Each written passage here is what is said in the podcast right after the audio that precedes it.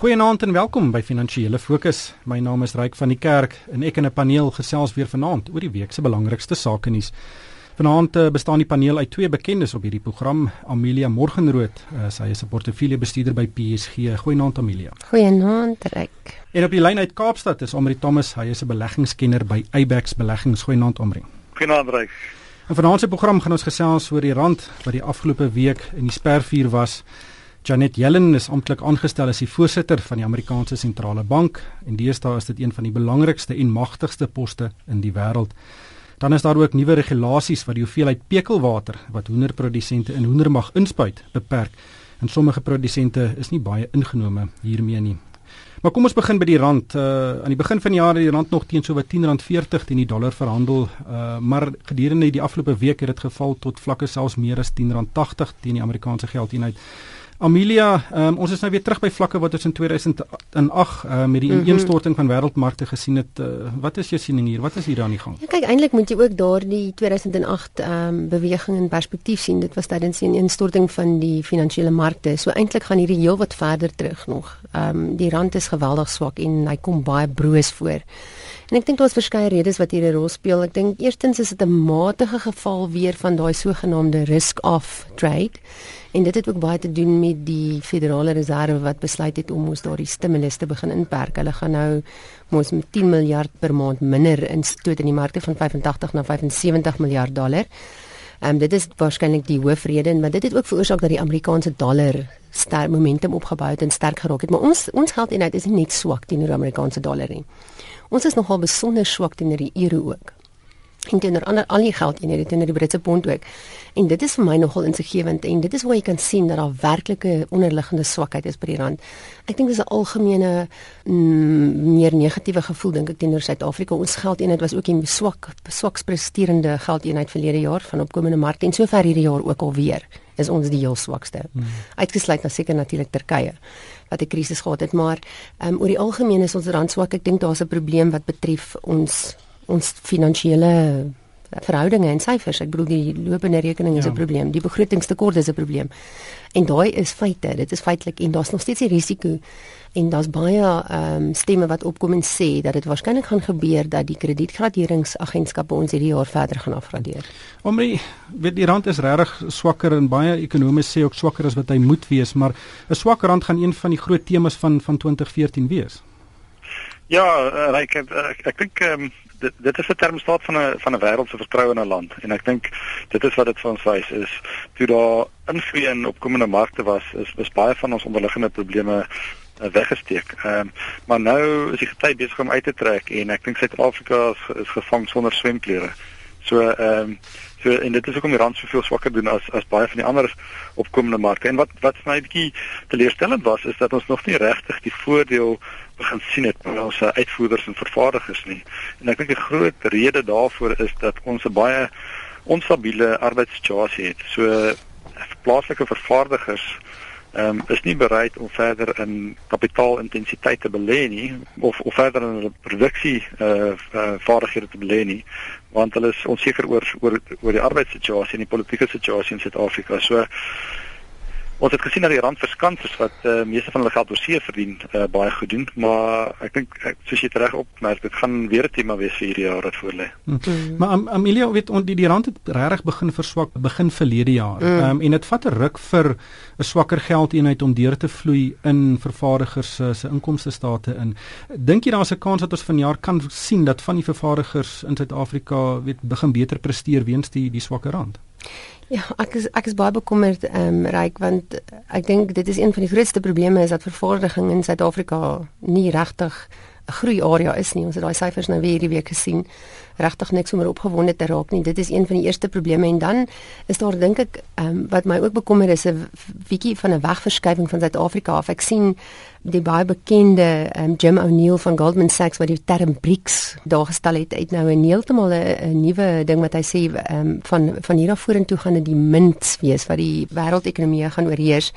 En dit is natuurlik Mexiko wat hy daarvan praat Mexiko, Indonesië, Nigerië en Turkye en wat hierso nogal vir my opmerklik is is dat Suid-Afrika se rol in Afrika dink ek is besig om bietjie te verminder. Ehm um, Nigerië is waarskynlik die land waarop gefokus gaan word en 'n paar van die ander ekonomieë wat baie sterk groei. Ek sien Goldman Sachs het ook hulle ehm um, aanbevelings aan hulle kliënte het hulle hulle allocasie in opkomende markte ook gesny met 'n derde wat nogal ook 'n dramatiese verandering is want dit gaan dit het te doen met portefeulje vloeye na Suid-Afrika hmm. en dit is wat ons baie nodig het vir ons rand. Ja. En natuurlik om waterpryse hoog te hou. Maar daar's 'n paar daar's daarom ook positiewe goed, jy weet. Um, en dit is dat ons maatskappye in Suid-Afrika word uitsonderlik goed bestuur. Ons het fantastiese entrepreneurs en ehm um, bestuurspanne en ons maatskappye vaar oor die algemeen beter as die gemiddeld reg oor die wêreld. Ek het onlangs so 'n studie gelees weer. Hmm. Ja, daar's ook nog die Fragile 5 waarvan Suid-Afrika lid is en dis die lande wat die grootste broodstelling het en uh, ironies genoeg uh, Suid-Afrika se aandelebeurs het verlede jaar die beste vertoon van al hierdie uh, die die vyf ja. en dit wys net die impak wat hierdie kapitaalvloei op Suid-Afrika het. Dit is en, en vir my baie positief ryk is die feit dat Suid-Afrika sulke goeie maatskappye het wat so goed bestuur word en wat so goed vaar. Hmm. En dit moet 'n mens altyd onderskei van alles af, want dit gaan alles oor 'n maatskappy se vermoë om geld te maak en 'n maatskappy se vermoë om vir winsgewend te wees. En dit is tog waarna ons almal kyk en dit is waarom waaroor alles gaan en waar ons wil belê. Hmm. Kom ons kyk na Janet Yellen, sy is die nuwe president van die Amerikaanse Federale Reserve en in sommige kringe word dit gesien dat sy die magtigste persoon nou ewe skielik in die wêreld is, selfs magtiger as um, Barack Obama. Maar Omri, sy word nou die kaptein van 'n skip wat in 'n baie baie erge storm seil. Uh wat, wat dink jy van haar aanstelling en hoe gaan dit die wêreldekonomie en ons ekonomie raak? Ja, reg, ek dink is is uh, is baie interessant. Is natuurlik die eerste vrou wat eh uh, voorsitter is van die Federale Reserve Bank. So dit is uh, in in sigself 'n 'n baie fantastiese prestasie. En as mens na haar agtergrond kyk, eh uh, sy is ongelooflik bekwaam. Sy het 'n uh, doktorsgraad in ekonomie eh uh, vanaf Yale gekry wat sy cum laude het 'n interessant haar haar man is 'n Nobelpryswenner in in ekonomie en hulle seun gee klas in ekonomie so ek dink uh, dit was baie ekonomiese hmm. gesprekke rondom die aandete tafel ja. daar. Sy sy het uh, toevallig haar PhD gedoen onder uh, Joseph Stiglitz, 'n ekonom wat ek mm, nogal baie hoog aansien en ek dink baie ja. mense want hy is een van die leiers in in daai veld. Ja, ek ek dink dis dis dis 'n baie moeilike situasie. Sy uh, kry natuurlik 'n hospitaal aangegee in die in die sin van dat tot, tot nou toe was dit baie akkommoderende monetêre uh, beleid en en nou gaan dit in 'n periode in waar monetêre beleid uh, verskerp moet word en die herstel wêreldekonomie herstel tot sover is is nog op baie uh alhoewel dit begin beter lyk is nog op bankhoor gebene. Ehm um, so dit is 'n baie delikate posisie en as as daai monetêre verskerping te vinnig gebeur kan dit lei tot tot 'n verdere afplatting in Amerikaanse en in wêreldgroei. So dit dit dit gaan interessant wees om te sien hoe sy dit hanteer en die wêreld se oë is is baie skerp op haar. Ehm uh, maar tot dusver die uitsprake wat sy gemaak het, dui aan dat ehm um, sy wel bewus is dat hulle dit te vinnig kan kan verskerp. Nee, hulle weet hulle moet uit dit uitkom op 'n stadium, maar dat sy dit uh, baie versigtig gaan aan, gaan hanteer. Ja, reik om ook aan te sluit by wat jy gesê het van hoe magtig sy nou eintlik is. Ehm um, moet die mense in ag neem dat die Amerikaanse regering um, het onlangs omtrent heeltemal in duie gestort. Ons is so jy moet in ag neem die regering kan nie meer regtig die land lei nie. Die politici kan nie ooreenstem oor enigiets nie. So eintlik al die mag en alles hang af van wat by die Federale Reserve gebeur. Hulle die Federale Reserve dink ek is op hierdie stadium die beskermer van die Amerikaanse ekonomie en sy is aan die hoof hiervan. So sy het 'n geweldige ehm um, verantwoordelike taak en tot nou toe dink ek die die beleid was sedert 2008 baie akkommoderend geweest en dit het ongelukkig net die top kwart van die Amerikaanse huishoudings bevoordeel. So sy het nou hierdie belangrike taak om eintlik die laer inkomste Amerikaners um, te help en om te sorg dat daai ekonomie en da groei wat weer daardie huishoudings kan bevoordeel ek dink dit is 'n baie groot hmm. uitdaging wat sy het om die ekonomie te stimuleer. En sy het ook nou gesê ek sien sy het in met die Time magazine hierdie week eh, 'n onderhoud gehad een van die eerste sedert haar aanstelling en sy het gesê sy gaan sy gaan daarop fokus die heel belangrikste ding waarop sy gaan fokus is om werk te skep. En sy wil mense terugkry by die werk en sy wil sterk groei hê in die meer aan die laer inkomste hmm. kant van die mark. Ook in reële terme wil sy hê dat inkomste moet groei Kom ons gesels nou oor iets heeltemal anders en dit is spekelwater in hoenders. Uh, die departement van landbou het uh, hierdie week nuwe regulasies aangekondig wat die hoeveelheid pekelwater wat hoenderprodusente in hoenders kan inspuit beperk. Ehm um, pekelwater word ingespuit as 'n tipe van 'n preserveer en geurmiddel as jy nou die bemarkingsmateriaal lees. Omri, ehm um, dit is egter misbruik. Sommige verskaffers het baie meer pekelwater in die hoenders ingespuit.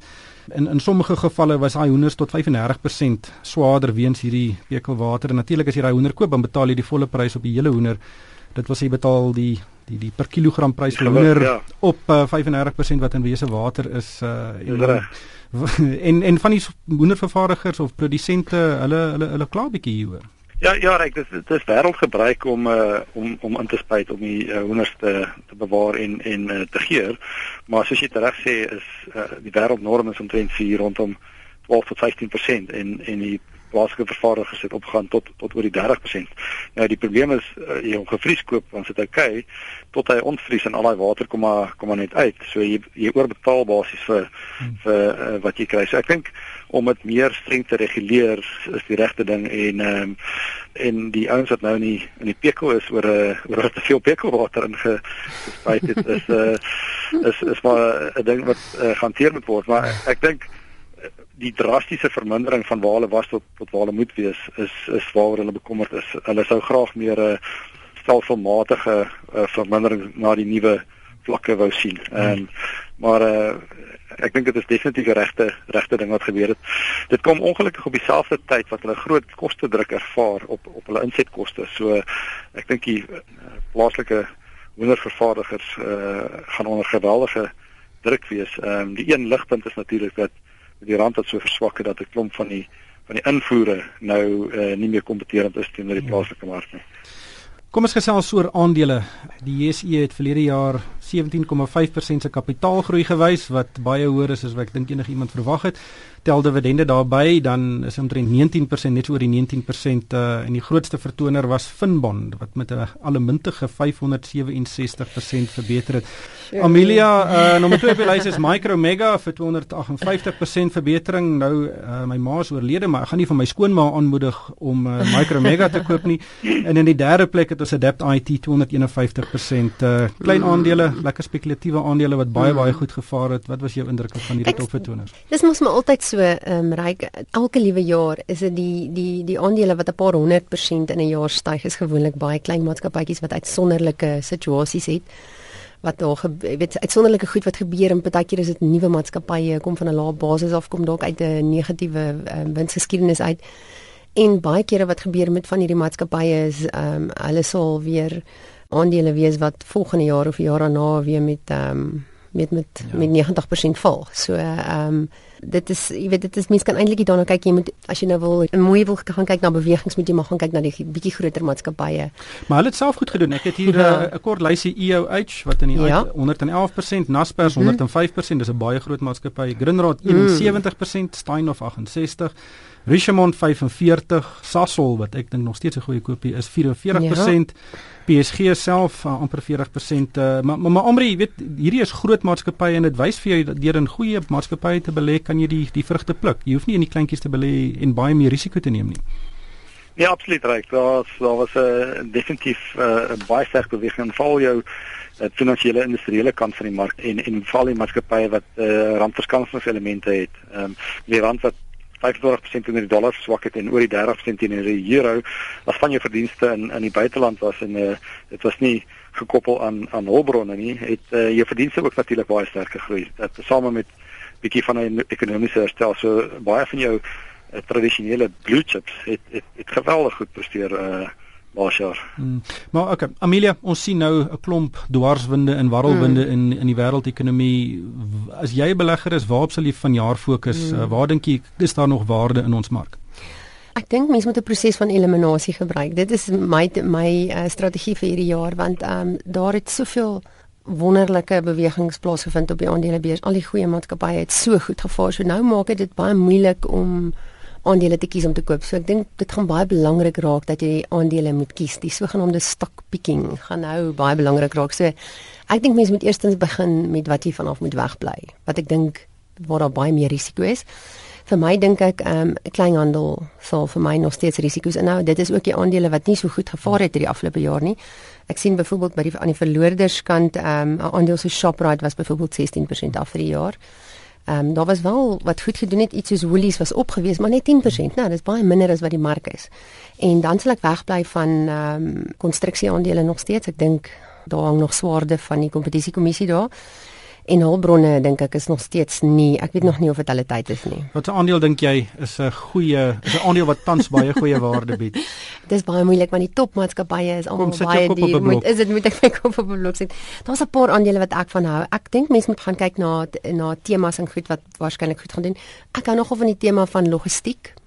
Daar's 'n kleinerige maatskappytjie wat ek na kyk. Ek dink Santova Holdings is iets wat moontlik kan opgaan. Hy was verlede jaar so hier by 20% opgewees en dan sal ek gaan kyk na die groot van die groter maatskappye wat ek nog steeds van hou is iets soos Netcare. Ek dink hy's bietjie goedkoper as sy eweknie. Van die meer veiliger goed is iets soos Reinet wat nog teen 'n redelike diskont tot sy netto batewaarde verhandel en wat 'n randverskanser is, was jy van opinie is dat die rand verder gaan verswak. En dan ehm um, van die ander maatskappye wat ek van hou is iets soos Sun International. Hulle het baie goeie vooruitsigte hier. Ja, so daar is nog steeds hmm. maatskappye wat waar jy kan ehm um, geld maak dink ek in Suid-Afrika. Al is die mark baie hmm. op. Omri, wat is op daai uh, nota bo jou rekenaar opgeplak? Wat se aandele hou jy dop? Ek uh, ek verval met familie uh, stem op op net eh uh, randverskans in 'n in 'n groot uh, diskont teenoor uh, net die batewaarde. Ek dink twee aandele wat ek wat ek verbyvoeg is een Steinhoff ehm um, mm. alhoewel op die lys was van toppresteerders vir hierdie jaar ehm um, op 'n prysverdienste verhouding is hy nog steeds uh, goedkoop en daar is die moontlikheid dat hulle van hulle dat hulle hulle Europese besigheid gaan noteer oor die volgende jaar of twee. So ek dink daai opwinding kan nog uh, verder loop in die prys veroorsaak. En ek dink die ander een wat wat dalk bietjie meer kontroversieel is, uh, maar is, is Imperial. Kom kom ek sê kontroversieel want dit lyk of die motorsiklus uh, besig is om om af te swaai, maar ek dink beleggers moet nie vergeet die groot deel buitelandse verdienste wat wat hulle ook verdien en ehm um, die bestuur het 'n ongelooflike goeie hmm. werk af van gemaak oor die laaste paar jaar om die maatskappy te herstruktureer en die inkomste bronne te diversifiseer. So ek dink teen teen hierdie vlakke lyk dit vir my nog steeds na na 'n goeie belegging. Ongelukkig het die tyd ons ingehaal. Baie dankie aan Amelia Morgenrood, sy's 'n portefeuljebestuurder by PSG en Omri Thomas, hy is beleggingskenner by Abax Beleggings en van my ryk van die kerk. Dankie vir die saamkuier.